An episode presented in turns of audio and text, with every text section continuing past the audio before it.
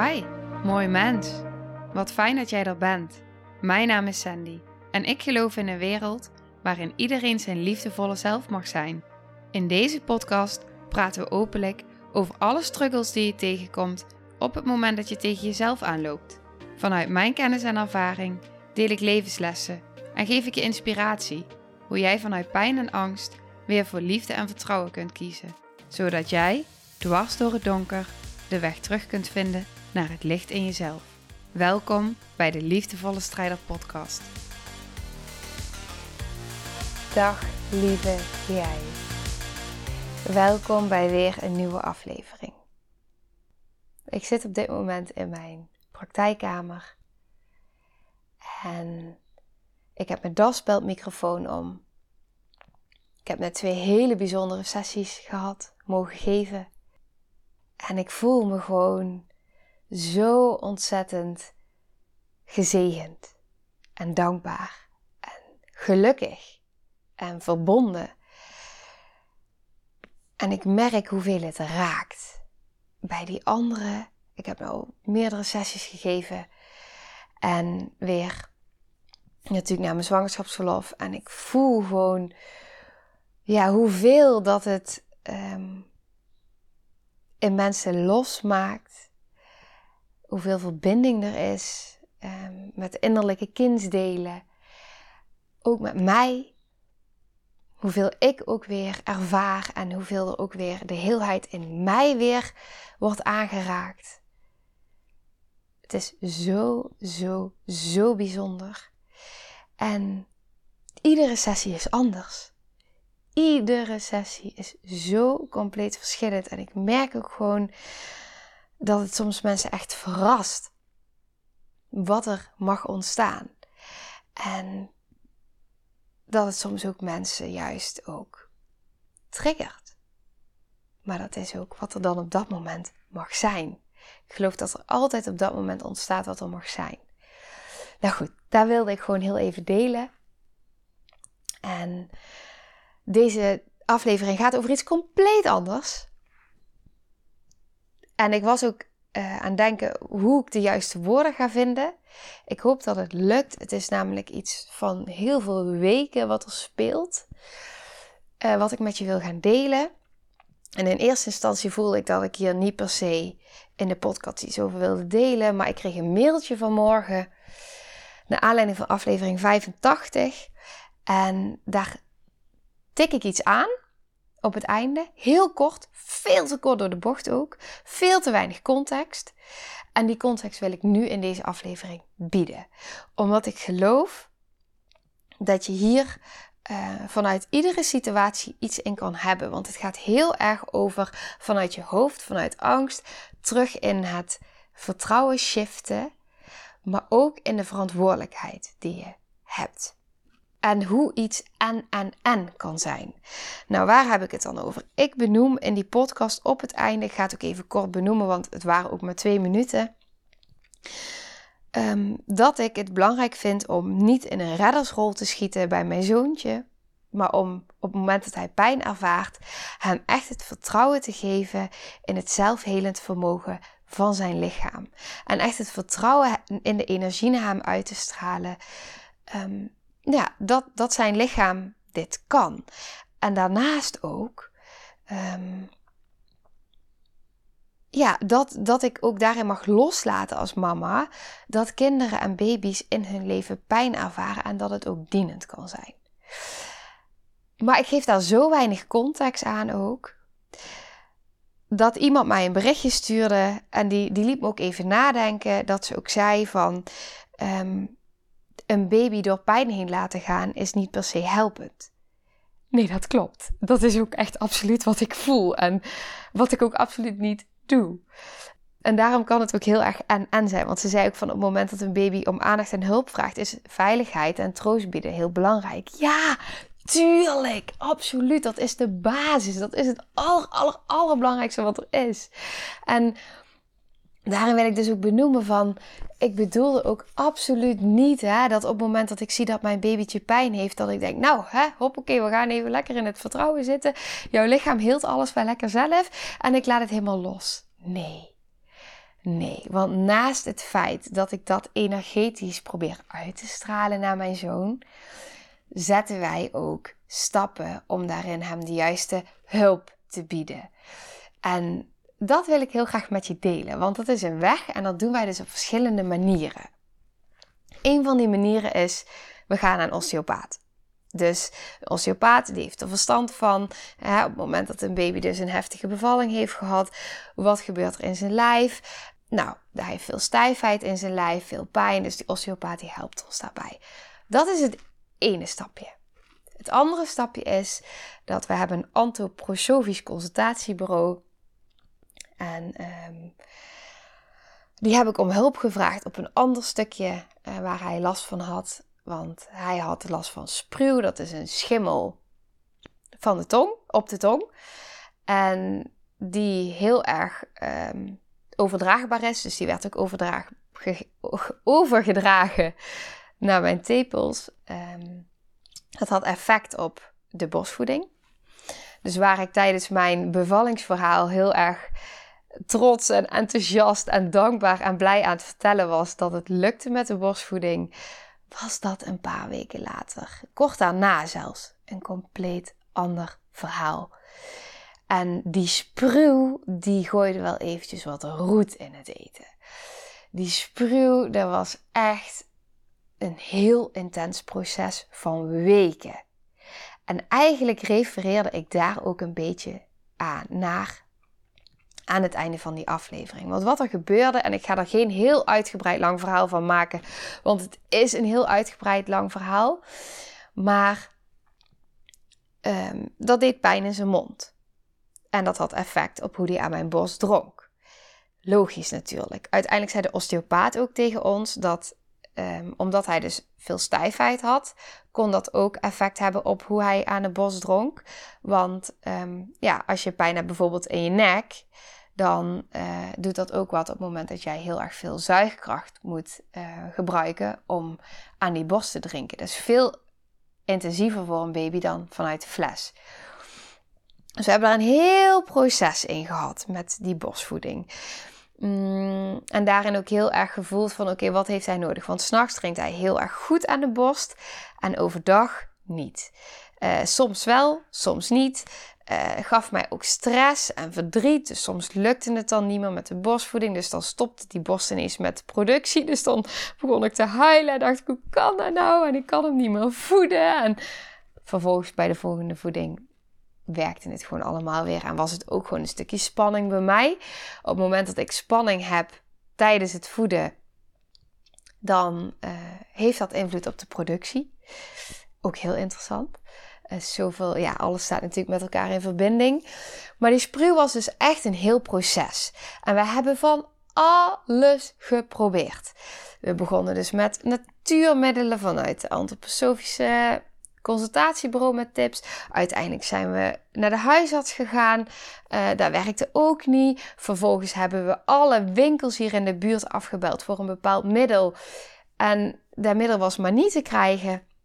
En uiteindelijk hebben we het wel kunnen bestellen, maar duurde het een week, want DHL, dat werkte allemaal niet. En allemaal processen. Nou, uiteindelijk hadden we dus een, werk, middel wat dan zou moeten werken, zei iedereen, na al die weken. Je moet je voorstellen, hè? 8 tot 12 keer per dag voeden. En iedere keer dan weer kolven en het flesje geven. Dan lukte het wel. Iedere keer na de voeding, alles, omdat het dus besmettelijk was, alles moest continu in de was op 95 graden gewassen worden. Um, alles moest uitgekookt worden continu. Uh, spul toedienen in zijn mondje na een voeding. Nou, gelukkig liet hij dat allemaal uh, goed toe. Behalve dus het magische middel wat zou moeten werken. Dat moesten we hem toedienen um, op zijn buik. En dan moesten we dus zijn mondje schoonmaken daarmee. Maar dan moest hij dus, ja, omdat dat niet in zijn keeltje mocht komen, moest hij dus op zijn buik liggen. Dat vond hij echt verschrikkelijk.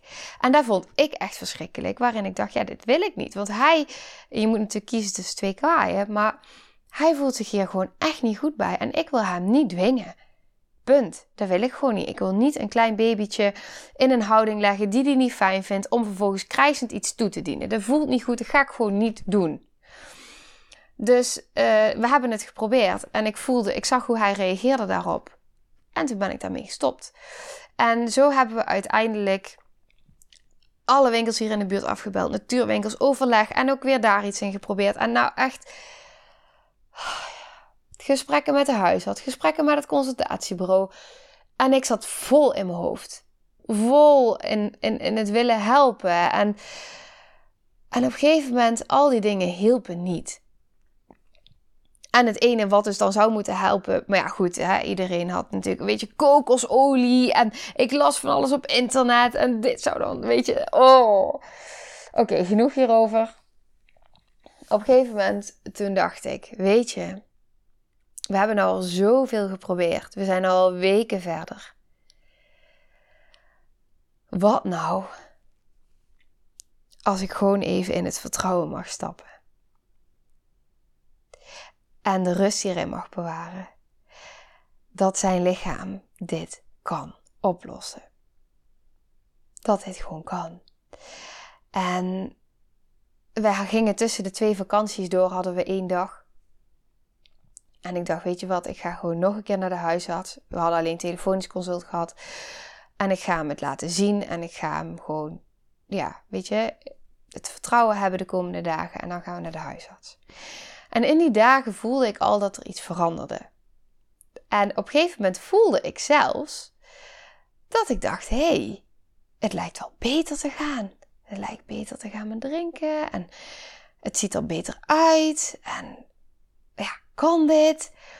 En um, op een gegeven moment dacht ik zelf, zal ik de afspraak bij de huisarts afbellen? Maar toen dacht ik, nee, nee, nee, nee. Ik ga niet de, de afspraak bij de huisarts afbellen. Want uh, ja, weet je, het is toch even fijn om even te checken. En ook hier niet alleen in te staan, zeg maar. En um, nou, toen gingen we naar de huisarts. En die zei gewoon van, ja, dit ziet er gewoon hartstikke goed uit. En uh, je mag het allemaal loslaten. Laat het maar los. En uh, nou, daar hebben we dus lekker gedaan. We zijn het lekker gaan loslaten. We gingen naar uh, Spanje toe.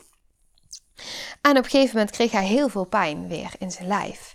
En allerlei verschillende houdingen deden we dan altijd uitproberen. En masseren. En uh, bewegingen met zijn benen maken. Voor zijn heupjes en voor de krampjes. En we hadden al, um, ook voor de krampjes, want die had hij dus ook, hadden we zeg maar zo'n. Um, uh, wikkel voor om zijn buik met kamille. Wat het dan uh, ook heel erg. Dus we hadden van alles: de spruw, de, de, de pijn in zijn lijf, uh, de, de krampjes. Um, en continu die behoefte aan één op één contact. Nou, noem het maar op. Echt het ene proces naar het andere proces. En op een gegeven moment, dan hebben ze het ook wel eens over sprongetjes en over nou, van alles. En op een gegeven moment, toen hadden we dus ook een proces. Toen waren we dus in Spanje en het ging dus super goed met de spruw. En toen had hij dus ook weer heel veel pijn, want dan trekt hij heel die benen zo omhoog en stijf. En nou, niks hielp. Houdingen hielpen niet. Um, bewegingjes, masseren, uh, kamillen. Je probeert van alles. En op een gegeven moment, toen dacht ik, Sandy, je bent energetisch therapeut. Kom eens even terug uit dat hoofd, in dat lijf. En ga gewoon eens even afstemmen op je kind. Dus hij lag lekker voor mij op mijn benen. Ik had mijn benen, zeg maar, uh, ja, dat hij me aankijkt. Dus um, op een tafel, zeg maar, had ik mijn voeten, dus zo schuin. Uh, en hij lag op mijn bovenbenen en hij keek me aan. En ik uh, bracht mezelf helemaal uh, tot rust. En ik ging helemaal in mijn lichaam. En ik ging me helemaal verbinden met het veld. En ik ging me helemaal afstemmen op zijn energie. En ik ging doen wat ik altijd in een sessie doe. Um, zonder daarin veel te diep in detail te gaan. Um, deed ik wat ik doe. En uh, ik legde mijn handen op zijn buik. En ik ga er een klein beetje over delen. Ik ging dus echt letterlijk voelen hoe ik vanuit mijn, uh, vanuit het veld, zeg maar, hoe ik zachtheid en liefde en kracht en vertrouwen en rust en veiligheid en nou, hoe ik dat allemaal via mijn hart, via mijn handen in zijn lichaampje liet stromen. En uiteindelijk werd hij natuurlijk helemaal zen. En uh, viel hij in slaap. En een paar dagen lang was er niks meer aan de hand. En ik zei echt tegen mijn man, heeft er nou hiermee te maken gehad? En toen dacht ik, oké, dit moet ik echt vaker doen. Toen heb ik ook meteen die week heb ik een module gekocht. Heb me aangemeld voor een module. Uh, de, de, de therapie die ik geef, zeg maar, specifiek voor baby's en kinderen. Mijn moederhart ging helemaal aan en ik dacht, oh ja, dan kan ik hem nog meer helpen. Kan ik er nog meer voor hem zijn? En ja, kan ik hier nog meer in doen voor hem, zeg maar. Dus wat er eigenlijk gebeurde. Even alles samenvattend. Want dit is natuurlijk. Hè, het raakt heel veel. Maar wat ik dus heel erg geloof, is dus dat het en, en, en, en, en, en, en, en, en kan zijn. Dus het kan en zijn dat je gespecialiseerde hulp inroept. In dit geval kan ik en mijn eigen uh, ervaring en mijn uh, rol als therapeut, zeg maar, daarin inzetten. Maar ik wil ook gewoon mama zijn. Um, maar goed, wat lukt, lukt, zeg maar. Hij staat natuurlijk heel dichtbij en we zijn één verbinding. Dus als hij. En daarom, dat bedoelde ik dus ook in die aflevering. Van op het moment dat jij heel erg in een bepaalde angst schiet. En heel erg, hè, wat ik dus in het begin deed. Van, oh ja, al die middelen, al die verschillende middelen. En dit kan helpen en dat kan helpen en zus. En de dokter adviseert dit. En de uh, antroposofische consultatiebureau die adviseert dit. En op internet lees ik dat. En misschien kan dat helpen. En kokosolie. En die ging tips geven. En Snap je? Dan ga je heel erg in, in die reddersrol zitten. En tuurlijk wil je je kind van pijn afhelpen. En daarin is altijd troost en veiligheid en aandacht en is het allerbelangrijkst. Maar daarnaast geloof ik dat het ook zo ontzettend belangrijk is om naar je kind die veiligheid en dat vertrouwen en die rust uit te stralen. En dat is dus het proces waar ik ontzettend in heb gezeten. Want wat ik natuurlijk ook heel erg merkte, en misschien herken je dat wel als je vader of moeder bent, en vooral als je moeder bent, is, ja, eigenlijk vooral als je moeder bent, is die uh, complete verbinding. Weet je, op het moment dat Bram tegen me zei van ja, Ga maar even lekker iets voor jezelf doen. Heb maar even een half uurtje me-time. En ik ga in bad liggen en ik hoor hem huilen. Dan sta ik op en dan ga ik uit bad. Ook voor mij een proces in, um, ja, het zelfopofferende stukje, zeg maar. Maar ik voel dus heel erg sterk op het moment dat hij huilt van kom maar bij mij. En ik voel heel sterk op het moment dat, dat hij pijn heeft, dan heb ik ook pijn.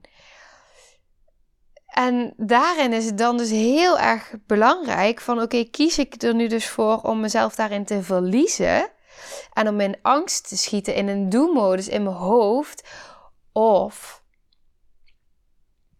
of ga ik en vanuit vertrouwen en vanuit rust en vanuit veiligheid en troosten voor mijn kind zijn, die stabiliteit aan hem bieden en zet ik de juiste acties uit vanuit mijn verantwoordelijkheid en mijn moederrol om hem de goede hulp te geven. Ja, en, en, ja, en dat, dat eigenlijk. Dus heel erg in het vertrouwen zijn. Ik denk dat opvoeden, naast het feit de verantwoordelijkheid die je draagt en je willen dat je kind zo min mogelijk pijn ervaart, is het ook heel erg loslaten en vertrouwen. Dat alles gebeurt om een reden. En dat alles komt op het juiste moment. En dat alles wat jij voelt, jouw kind ook voelt. En dat is echt het proces. Tussen angst en vertrouwen en uh, liefde en um, ja, ik weet niet. Ik merkte dus dat ik um, dat die combinatie gewoon heel erg belangrijk is. En dus hetzelfde bijvoorbeeld met koorts. Hè? Als ik er dan over nadenk, um, dat mijn kind ook een keer koorts gaat krijgen. Van waar kies je dan voor? Hè? Je kan kiezen om koorts te gaan onderdrukken met paracetamols en pijnstillers. Want op dat moment heeft je kind het minder heftig.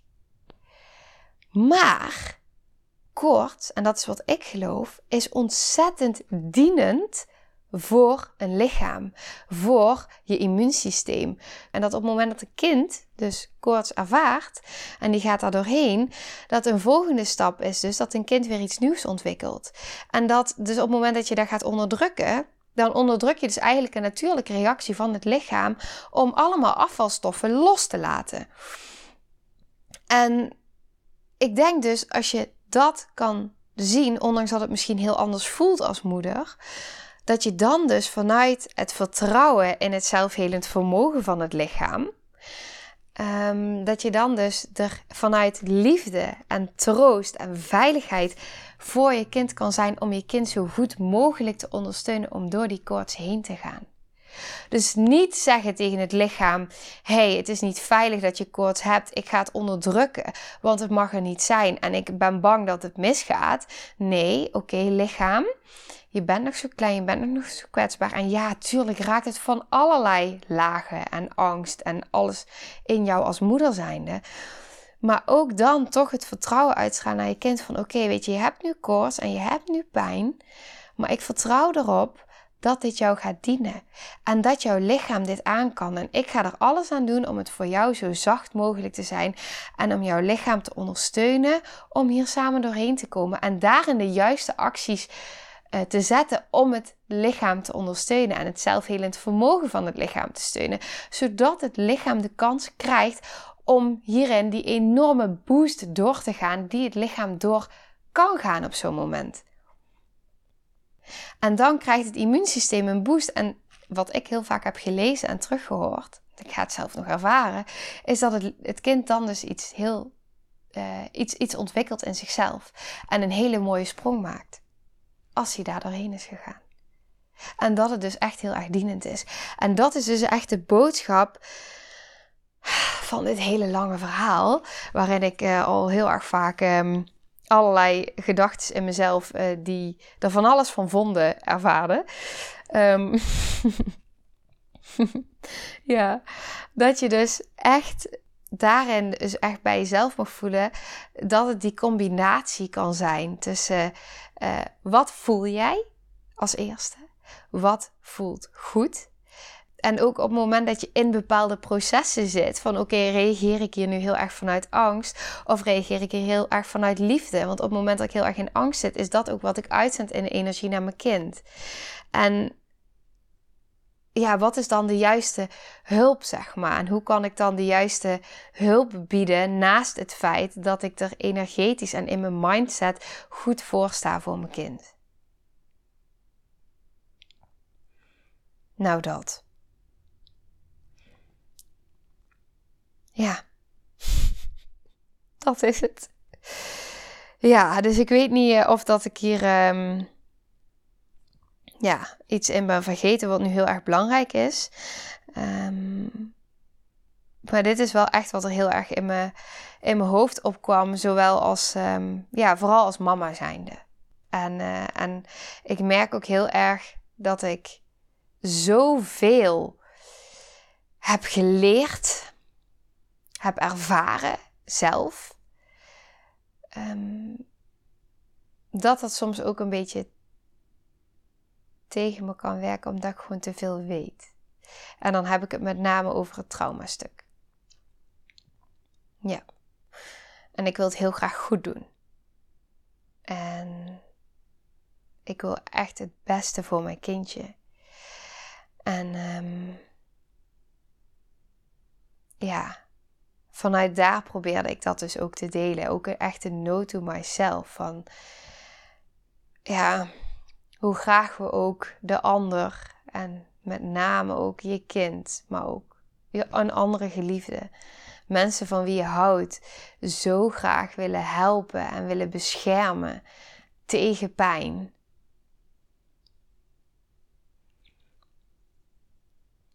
Ja.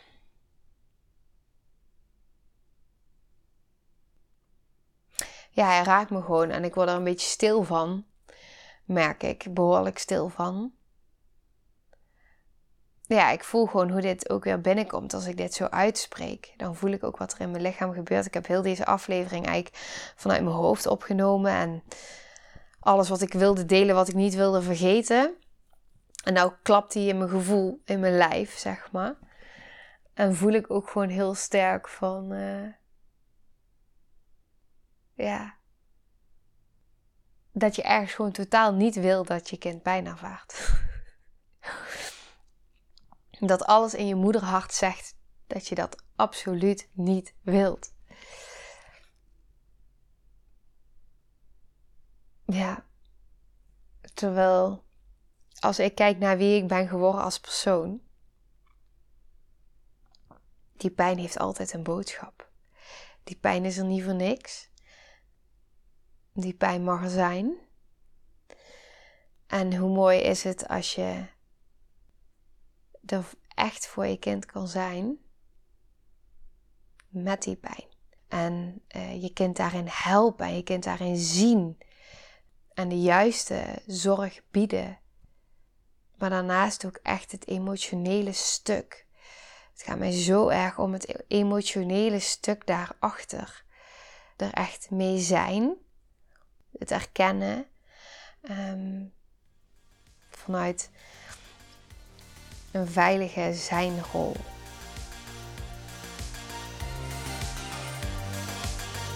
Nou, lieve mensen, ontzettend bedankt voor het luisteren. Ik ben heel benieuwd wat je van de aflevering vond en welk inzicht je eruit hebt gehaald. Mocht je nog vragen hebben of is er een onderwerp waar je meer over wilt weten, laat het me dan weten. En wie weet neem ik het mee in een van de volgende afleveringen.